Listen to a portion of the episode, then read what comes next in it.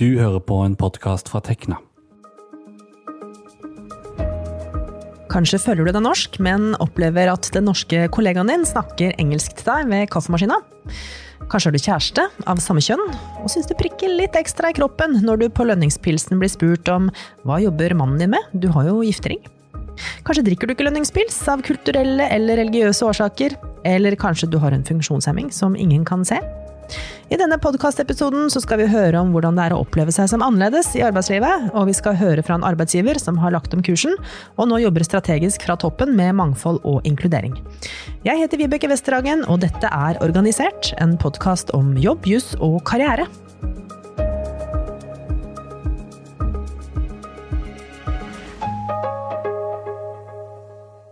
Til å begynne med i dag så vil jeg ønske hjertelig velkommen til to gjester. Velkommen Kimya og Masha. Hei. Hei. Hei. Veldig hyggelig. Kimya Sayadi, du er student. Du studerer juss ved UiO, og så bor du i Tromsø. Men i det siste så har vi blitt kjent med deg som en mangfoldsekspert. Som gründer og daglig leder av Big Enough Global, som starta som en frivillig organisasjon, men som nå har blitt business, der du og kollegaene som du har ansatt gir næringslivet råd om hvordan man kan rekruttere og ikke minst beholde flerkulturelle.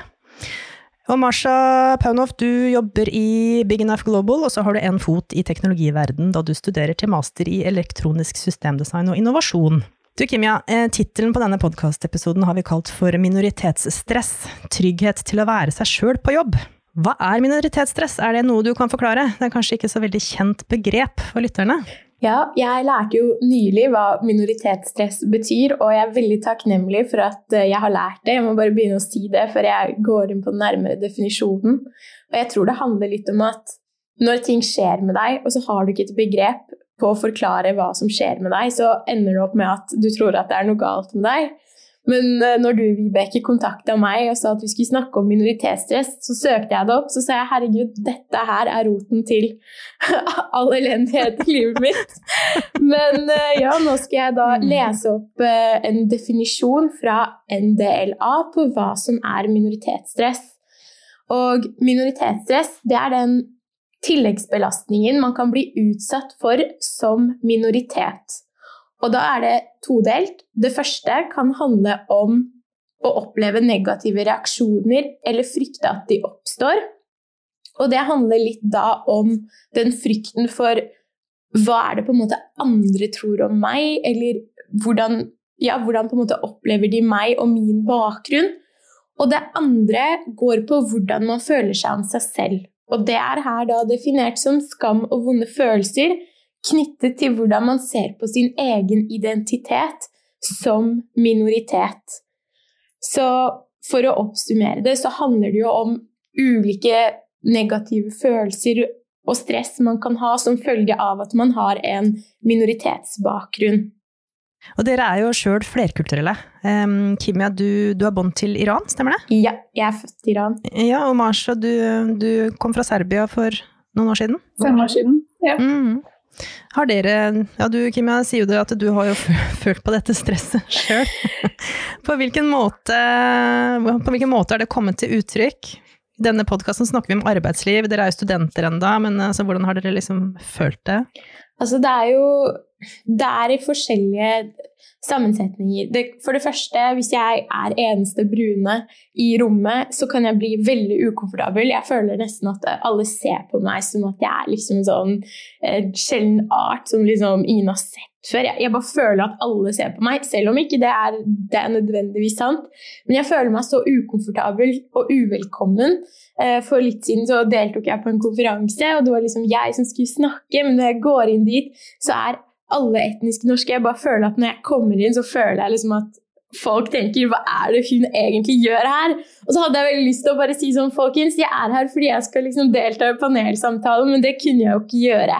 Så det er jo et, eh, et eksempel på det der frykten for den eksterne reaksjonen. Og så når det kommer til det indre, så er kanskje det største minoritetsstresset som jeg føler på, den verdikonflikten mellom å være nok iraner og være nok norsk.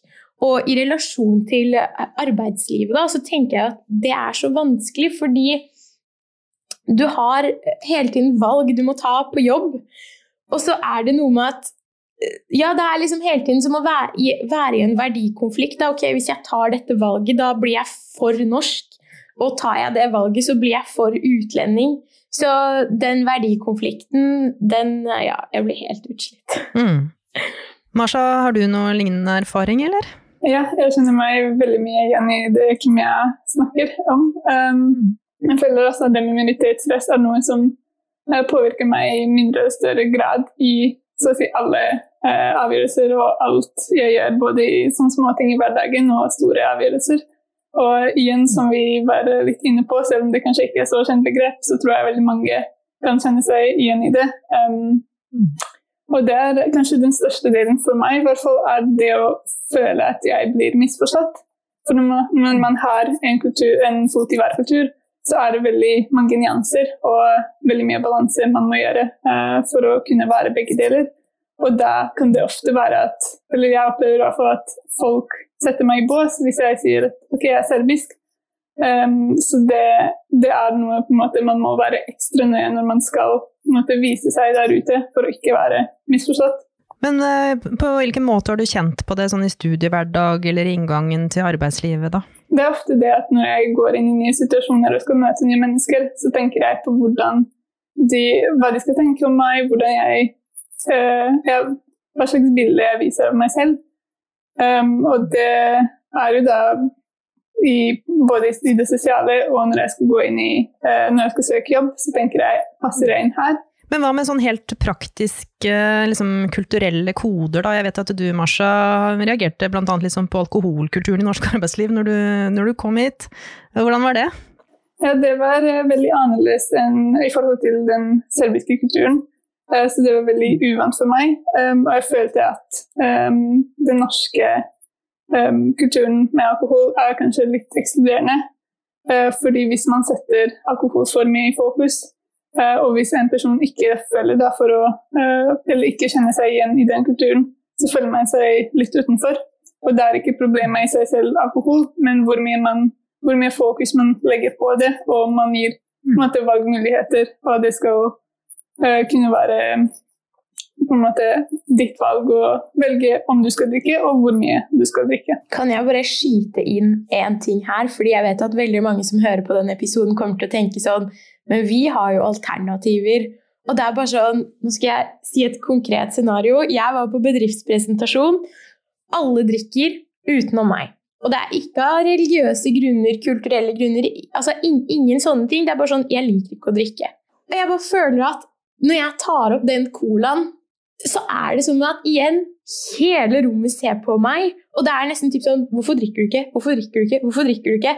Og den frykten jeg har i meg, er sånn Å nei, nå tror de at jeg øh, har blitt fratatt friheten hjemme, faren min kontrollerer meg, jeg kan ikke inkluderes, ikke sant? Mens kanskje hvis jeg var etnisk norsk og så ikke ville drikke, så det, hadde det kanskje vært mer komfort, komfortabelt. fordi da hadde jeg ikke hatt den frykten for at folk skulle plutselig trodd at jeg var et eller annet. da. Ja, Det er nettopp det som jeg nevnte, at man ofte blir satt i bås. Så med en gang man er, kommer fra utlandet og ikke drikker, så, så forbinder man det med religion eller eh, med frihet. og ja. Men dere jobber med flerkultur, dere er flerkulturelle, men så vet jeg at dere er også opptatt av inkludering av andre minoriteter. Seksuelle minoriteter, personer med funksjonshemninger, kjønn. Noe som dere annet tar opp i denne podkasten som dere lager sammen med Deloitte Norge, som heter Mitt mangfoldsavtrykk. Men hvorfor mener dere at dette er noe som arbeidsgivere bør være mer opptatt av og ha mer kunnskap om? Og så er det ikke nok å ha fokus på å finne rett kandidat til rett jobb med rett kompetanse? Altså, hvorfor skal man være opptatt av mangfold og inkludering i arbeidslivet? Det er et, det er et stort spørsmål, så hvilken, hvilken ende skal man eh, begynne i? Altså, ting er dette du sier, rett kandidat med rett kompetanse. Helt enig med deg, men problemet er at når man ikke jobber med mangfold og inkludering, så finner du ikke rett kandidat med rett kompetanse. Hvis man ser hvem som er HR-direktører, CEO-er i alle de store selskapene i Norge, så er alle etnisk norske, eh, og i hvert fall da hvite i huden. Og da nekter jeg å tro på at det ikke, at det ikke finnes noen som på en måte var eh, brune i huden, som hadde de kvalifikasjonene. ikke sant? Så nettopp det at man vil ha riktig kompetanse, riktig folk, gjør sånn at man må klare å både appellere til flere, sånn at de skal søke hos deg, men også klare å på en måte ansette de og holde på de. Så det å jobbe med mangfold og inkludering er nettopp for å klare å rekruttere de beste. Så det er derfor. Og nummer to er det også viktig fordi at mangfold og inkludering bidrar jo til økonomisk vekst. Det har rapporter av Harvard og uh, McKenzie vist, og det er, ja, det er forsket ganske mye på. Så derfor så må man jobbe aktivt uh, med dette, nettopp for å kunne bli konkurransedyktig, da. Og få et konkurransefortrinn. Mm. Ja, du nevner lønnsomhet, um, og det å kunne velge av den største poolen med kandidater. Så jeg var inne og kikka litt på Institutt for samfunnsforskning, og der uh, sier de at det er ikke så veldig mye norsk uh, forskning som, uh, som, går på mangfold og på en måte lønnsomhet, da. Men det er i ferd med å bli forska på. Men også nå snakker vi om liksom, det at arbeidsgiver skal måte, gå ut og tilpasse seg måte, mangfoldet, men andre veien da skal, skal minoriteter også tilpasse seg arbeidsgiver? Ja, det skal de absolutt. Eller det med å måte for økt mangfold i næringslivet. Uh, ansvaret for det ligger både hos flerkulturelle og arbeidsgivere. Og kanskje det som uh, ting jeg syns er viktigst når det kommer til det punktet, det første er å være bevisst uh, sine egne unconscious bias som uh, flerkulturell. For det er ikke at fordommer finnes bare fra etnisk norske rett, rettet mot flerkulturelle, det går også motsatt vei. Um, så med en gang man er bevisst på det, så er det lettere å kvitte seg med det. Så istedenfor at når man ser på en bedrift og tenker her er det ingen som ligner på meg, og med en gang tenker ok, da passer det ikke inn, tenker er det kanskje passer det inn, bare at det ikke var noen som uh, prøvde uh, som lignet på meg, som prøvde å komme seg inn før. Um, det andre er kanskje også å være bevisst på hvordan din bakgrunn er en styrke i arbeidslivet. For når man har den bevisstheten, så er det lettere for andre også å se det. Man føler seg automatisk mer komfortabel og mer selvsikker. Og det er jo, hvis jeg trekker også linjer til den mangfoldspodkasten uh, som vi har hatt, så ser vi at ett kjennetegn som går igjen hos alle de som var hos oss, fordi alle de er da folk med mangfoldsbakgrunn som virkelig har lykkes. Og det er den derre som de selv kaller det, å gå litt vekk fra den offerrollen. Det å på en måte ta eierskap til din egen karrierereise og jobbe hardt, stå på, tro på deg selv, um, ha den selvtilliten og tryggheten i den du er. Dette betyr ikke at diskriminering ikke finnes og, uh, og unconscious bias ikke finnes. Det betyr bare at du har ikke kontroll over det. Så du må fokusere din tid og din energi på ting du har kontroll over, og det er hvordan du bærer deg selv og din egen selvtillit. Så det er et ansvar som jeg mener at eh, vi med en mangfoldsbakgrunn, uansett i hvilken forstand, har. Da. Eh, det er noe jeg følte også eh, på egen kropp, for å si det sånn. At før jeg begynte å reflektere over hvordan, hvilken rolle min bakgrunn spiller i eh, studie- eller arbeidslivet, så følte jeg at jeg ofte kunne trekke tilbake fordi jeg følte meg ukomfortabel. Men når man på en måte jobber aktivt og tenker aktivt på hvordan man kan bruke en styrke, så tør man mer, og man er mer der ute. Mm. Men Marsha, hva er dine forventninger til arbeidslivet når du skal finne deg en jobb innenfor eh, teknologi eh, om noen år? Ja, det er først og fremst eh, det å kunne være meg selv. Eh, det er veldig viktig for meg. Eh, hvordan skal man få til det? Hva vil det bety å kunne være seg sjøl? Eh, det betyr at på en måte, selv om man er annerledes, at det ikke skal føles ukomfortabelt. Og at uh, det er noe som er møtt med nysgjerrighet, men også gode intensjoner. Um, sånn at jeg føler at jeg på en måte kan Trenger ikke å tilpasse meg um, og være mer norsk enn det jeg er, eller være noen jeg ikke er. Hvilke råd er det dere gir til bedriftsledere da, som kommer til dere og ønsker å jobbe med, flere, med flerkultur og bli mer mangfoldig? Har dere noen råd som dere kan dele her og nå med de som hører på? Først og fremst, før jeg går inn på noen konkrete råd, så må jeg bare avklare én ting, og det er at det å bli bedre på økt flerkulturelt mangfold og inkludering, det koster. Det koster tid, det koster penger, det koster prioritering. Så jeg kan sitte her og si masse tiltak, og vi kan sitte og ha denne samtalen, og folk kan synes at det er sykt kult, og dette skal vi gjøre, men når det skal operasjonaliseres, hvis ikke ledere setter tid og budsjett i kalenderen til de som har ansvaret for dette, så kommer det ikke til å skje. Og det er kanskje det som er forskjellen som jeg ser på selskaper som får det til og ikke får det til. Det er at de som får det til, de har faktisk muligheten til å jobbe med det. Så det var bare en sånn generell viktig point. Og så når det kommer til det konkrete, så er det jo sånn at bedriften er et maskineri. Den eksterne kommunikasjonen spiller en rolle. Rekrutteringsprosessen spiller en rolle. Det interne miljøet spiller en rolle. Og i alle disse områdene her må man iverksette både tiltak og mål. Vi må ha mål for å vurdere om tiltakene fungerer, og kunne evaluere de. Og nå skal jeg komme med eksempler på noen type tiltak, og det betyr ikke at det er det eneste man skal gjøre, men det er bare for å gjøre det abstrakte litt mer konkret. Så når det kommer til den eksterne kommunikasjonen, er det f.eks. veldig viktig å ha en rød tråd på alt av hjemmeside og sosiale medier på at man ønsker mangfold.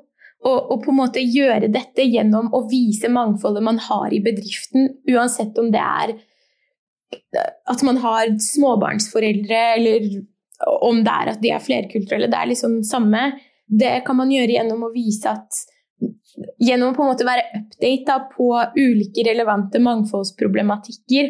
Men hvis ikke dette her kommer frem, hvis du har en liten side på hjemmesiden som heter Mangfold og inkludering, tre setninger, og så er Instagrammen blenda hvit, eh, alle er presentert likt, hjemmesiden er uh, stiv ellers, og liksom stillingsannonsen er helt nøytral, så sier det seg jo selv at dette her er ikke en rød tråd, budskapet ditt må være klart. Og så når det kommer til rekrutteringen, så må du ha en trygg og sikker rekruttering. Det hjelper ikke at Og nå er jeg kanskje litt, litt for hard, men det hjelper ikke at man sitter der og sier at men vi diskriminerer ingen. Jeg kan si som så at jeg har vært i over 100 kundemøter, og alle har sagt at de ikke diskriminerer. Likevel viser forskning at diskriminering skjer. Så jeg syns bare at man skal være litt mer ydmyke og anerkjenne at diskriminering og unconscious bias kan skje, så la oss tenke forebyggende. Og, ja, jeg har ja. hørt deg, eller sett deg si Kimia, at du mener at det holder ikke å være ikke-diskriminerende, du må være inkluderende. Og da mener du i praksis at det skal synes, rett og slett? Eh, ja, og det her med å være inkluderende går kanskje litt uh, også på det interne, da, som Marsha sa. Man må iverksette tiltak for at alle skal føle seg komfortable. Det skjer ikke av seg selv. Og det er viktig. Mm. Når, det til teknologi, når det kommer til teknologibransjen, så har det i de siste årene vært veldig mye fokus på det med kvinnehandel. Man har iverksatt mange tiltak, og vi ser at det hjelper. Men da må man også tenke andre typer mangfold. Og nå er det kanskje på tur å tenke også flerkulturelt mangfold. Eh, for da, som Kimia nevnte, hvis ikke man jobber strategisk, så kommer ikke resultatene av seg selv. Det dere snakker om nå er jo ledelsesansvar. Altså dette er jo noe som starter på toppen. Men hva er det kollegaer kan gjøre for at man skal ta vare på mangfoldet og gjøre at alle er velkomne i bedriften? når man først har kommet innafor? Jeg vil si at kollegaer kan ta initiativ for å liksom spørre og være nysgjerrig på liksom Ok, hva slags type aktiviteter trives du med? Ikke, ikke bare ha et lite sånn sosialt team internt i selskapet, og så sitter de og på en måte bestemmer aktiviteter for alle, men gå ut, spør folk. Um, og så ville jeg også sagt at det beste på en måte kollegaer kan gjøre, er å vise engasjement og interesse internt i bedriften for at dette ønsker vi å jobbe med. Hvis 10-15 eh, stykker liksom går opp, eller hvis den som er sånn ansattrepresentant, nå har jeg glemt ordet, men eh, går og på en måte sier sånn dette her er noe vi har lyst til å jobbe med, dette er noe vi er engasjert i, så er det større sannsynlighet for at bedriften jobber med det, enn at man ikke viser noe engasjement. Da. Så jeg tror det å på en måte være en ally det er det fineste man kan gjøre. Mm. Tusen takk til dere to som, eh, for å komme på besøk i poden vår. Jeg vet dere har en travel hverdag med både studier og jobb. Lykke til videre med, med begge deler, begge to. Tusen takk for at vi fikk være med. Da skal vi over til å høre historien til eh, ingeniørselskapet ABB. Om hvordan de er i ferd med å snu skuta fra å være et tradisjonelt, ganske så konservativt ingeniørselskap, til å se mennesker på en helt ny måte.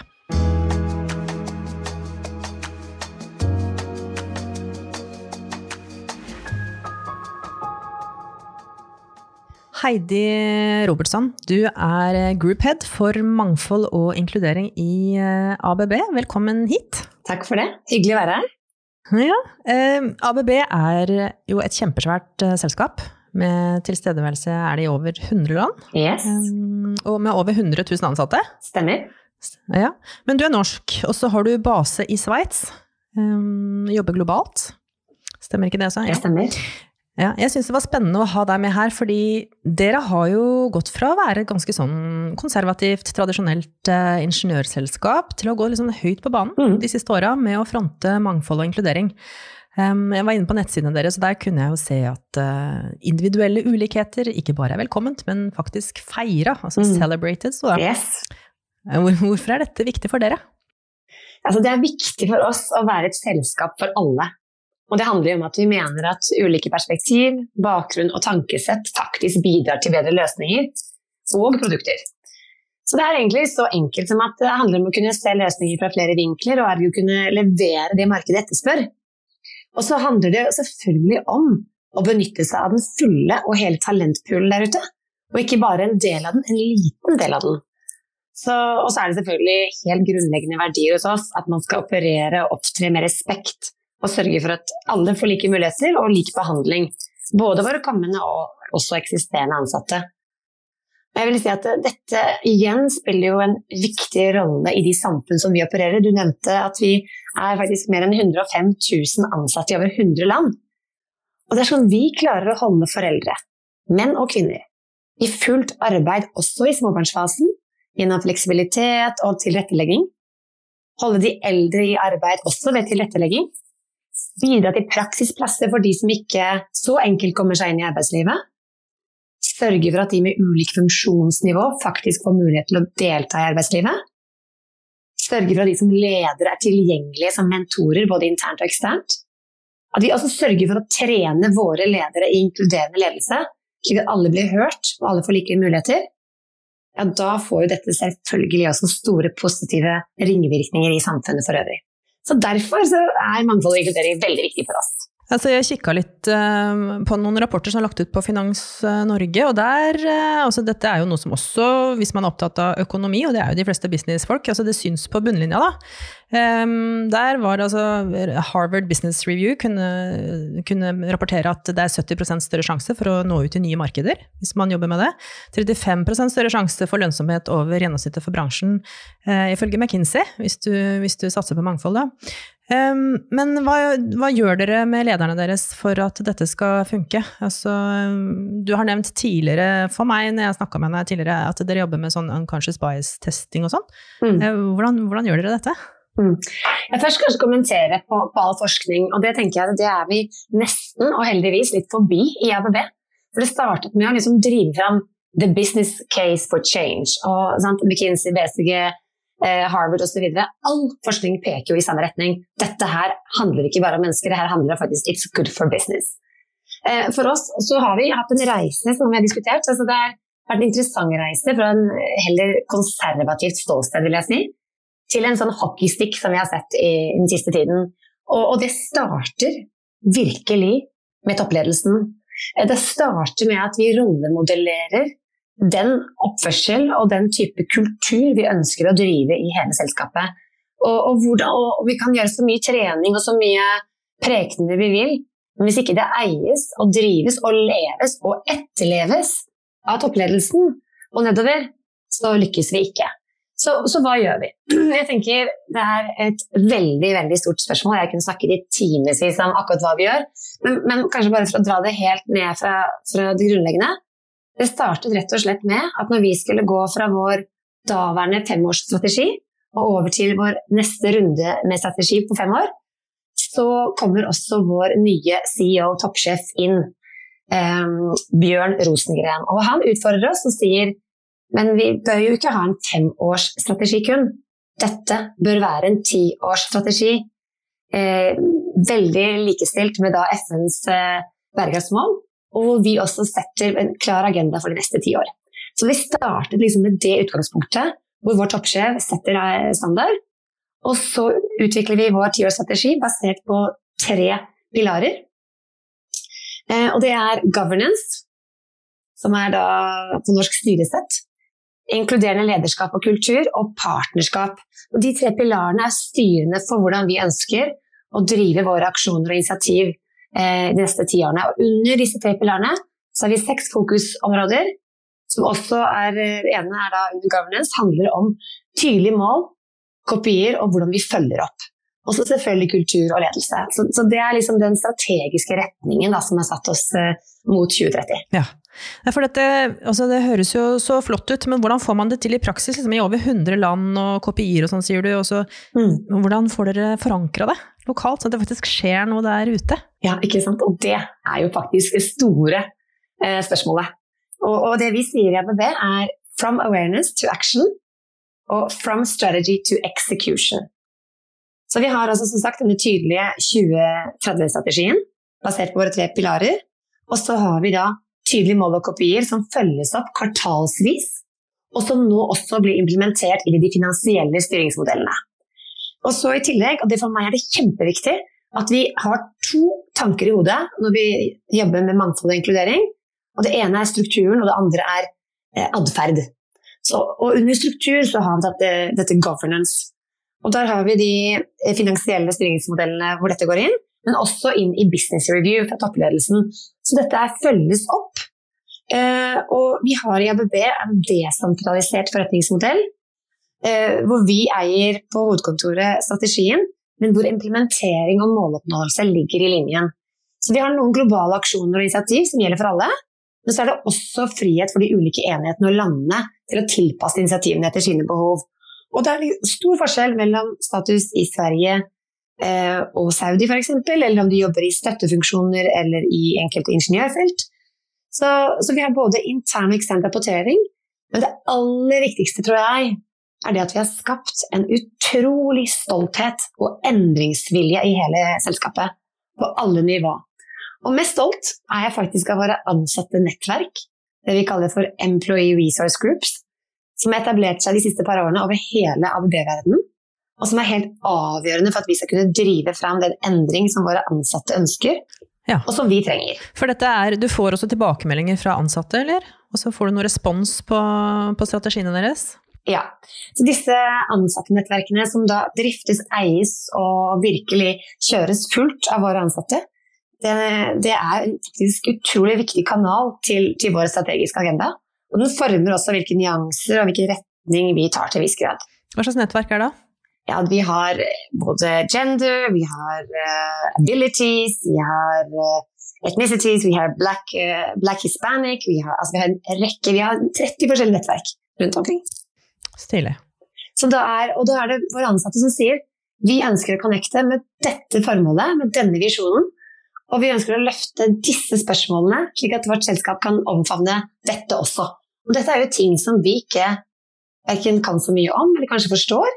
Og den dialogen og den kanalen er jo ekstremt verdifull, for det er på en måte den kombinasjonen av stemmen i landet, stemmen on the ground, til oss, mm. som er helt avgjørende for at vi skal lykkes. Hva tenker du, altså Hvor lang tid har dere brukt på å komme dit dere er nå, fra dere starta? Ja, Det spørs jo hvordan man ser det, men altså, man, har, man kan vel si at Altså, ABB er jo et uh, selskap som har eksistert i over 100 år, så det har jo på en måte vært delvis på en agenda osv. Men den første liksom, globale elementet kom jo i 2015, og det er veldig, det er veldig sent, egentlig. Uh, og den første liksom, fulle globale eh, KPI og, og strategien kom jo i 2018.